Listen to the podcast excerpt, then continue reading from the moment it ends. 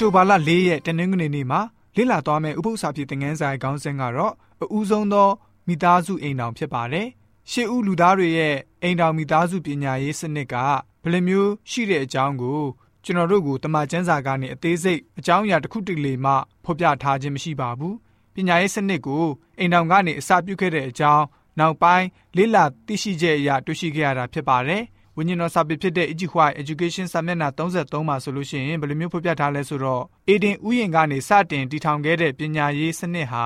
နောက်ဆုံးမိသားစုအိမ်တော်အတွင်းဝင်ရောက်လာပါတော့တယ်။အာဒံဖျားရှင်ရဲ့သားဖြစ်ခဲ့တယ်။အာဒံရဲ့အဘအမြင့်ဆုံးသောဖျားရှင်ထံကနေသားသမီးတွေပညာသင်ကြားခွင့်ရရှိခဲ့ကြပါတယ်။အဲ့ဒါကိုမိသားစုကြောင်းလို့စိတ်แท้မှတ်ယူဖို့ဖြစ်တယ်ဆိုပြီးတော့ဖော်ပြလိုထားပါတယ်။ ဘယ်လိုမျိုးသောဘာသာရဲ့ဘယ်လိုမျိုးသောအကြောင်းအရာတွေကိုသင်ကြားပို့ချခံခဲ့ရတဲ့အကြောင်းကိုတော့ကျွန်တော်တို့အနေနဲ့အတိအကျမသိရတော့လည်းပဲဖန်ဆင်းထားသမျှအရာတွေနဲ့ပတ်သက်တဲ့အကြောင်းအရာတွေပါရှိမယ်ဆိုတာကတော့သိချပါတယ်။အဲ့ဒီနောက်မှာအပြည့်ရဲ့သဘောကိုလည်းပဲသင်ကြားပေးမှာဖြစ်ပါတယ်။ပြီးတဲ့နောက်မှာကယ်တင်ခြင်းအကြံအစီနဲ့ပတ်သက်တဲ့စီမံကိန်းကြီးအကြောင်းကိုလည်းပဲသင်ကြားပေးမှာကတော့သိချနေပါတယ်။ဝိညာဉ်တော်စာပေဖြစ်တဲ့ Ijikwai Education စာမျက်နှာ20မှာဆိုလို့ရှိရင် ရှေးဦးစွာစတင်တည်ထောင်ခဲ့တဲ့ပညာရေးစနစ်ဟာဆိုလို့ရှိရင် နောက်ပိုင်းကမ္ဘာရဲ့ခေတ်အဆက်ဆက်အတွက်ပုံစံနမူနာပဲဖြစ်ပါတယ်။အေဒင်ဥယျာဉ်တော်ထဲကစတင်တည်ထောင်ခဲ့တဲ့ကျောင်းမှာကျွန်တော်တို့ရဲ့မိဘနှစ်ပါးအိမ်တော်ကနေ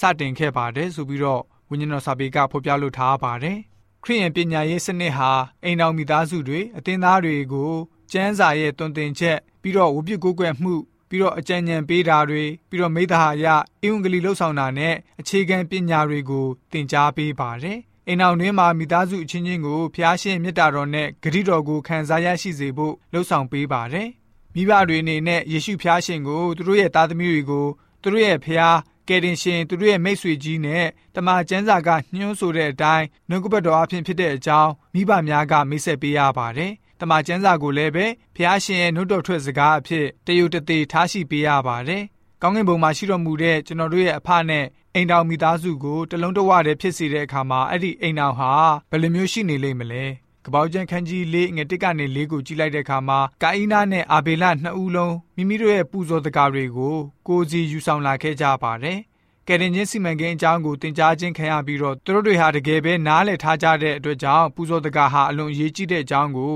တိတိကျကျသိရှိထားကြပါတယ်။ဒါကြောင့်ဖျားရှင်ထံပြန်ပြီးတော့ယူဆောင်လာခြင်းဖြစ်ပါတယ်။အကြောင်းအရာရဲ့ဖော်ပြချက်အရကောင်းပါတယ်လို့လူအများယူဆတဲ့ပညာရေးစနစ်မျိုးဟာအချိန်တိုင်းမှာကျွန်တော်တို့မျှော်လင့်ထားသလိုမဖြစ်လာပါဘူး ဒီလိုကြောင့်ကျွန်တော်တို့အိမ်တော်မိသားစုများအနေနဲ့ဖះရှင်ရဲ့ပညာရေးစနစ်ကသာစစ်မှန်တဲ့ပညာရေးစနစ်ဖြစ်တယ်ဆိုတာကိုသိရှိပြီးတော့မိမိရဲ့သားသမီးတွေကိုရောမိမိရဲ့အိမ်တော်ကိုရောဖះတရားနဲ့ပြည့်ဝပြီးတော့ဖះရဲ့ဘုန်းတော်နာမတော်ကိုထင်ရှားစေတဲ့ယုံကြည်သူမိသားစုဝင်တွေဖြစ်စေဖို့အတွက်တနင်္ဂနွေနေ့ဥပုသ္စာဖြစ်တဲ့ငန်းစာကဖော်ပြထားပါတယ်။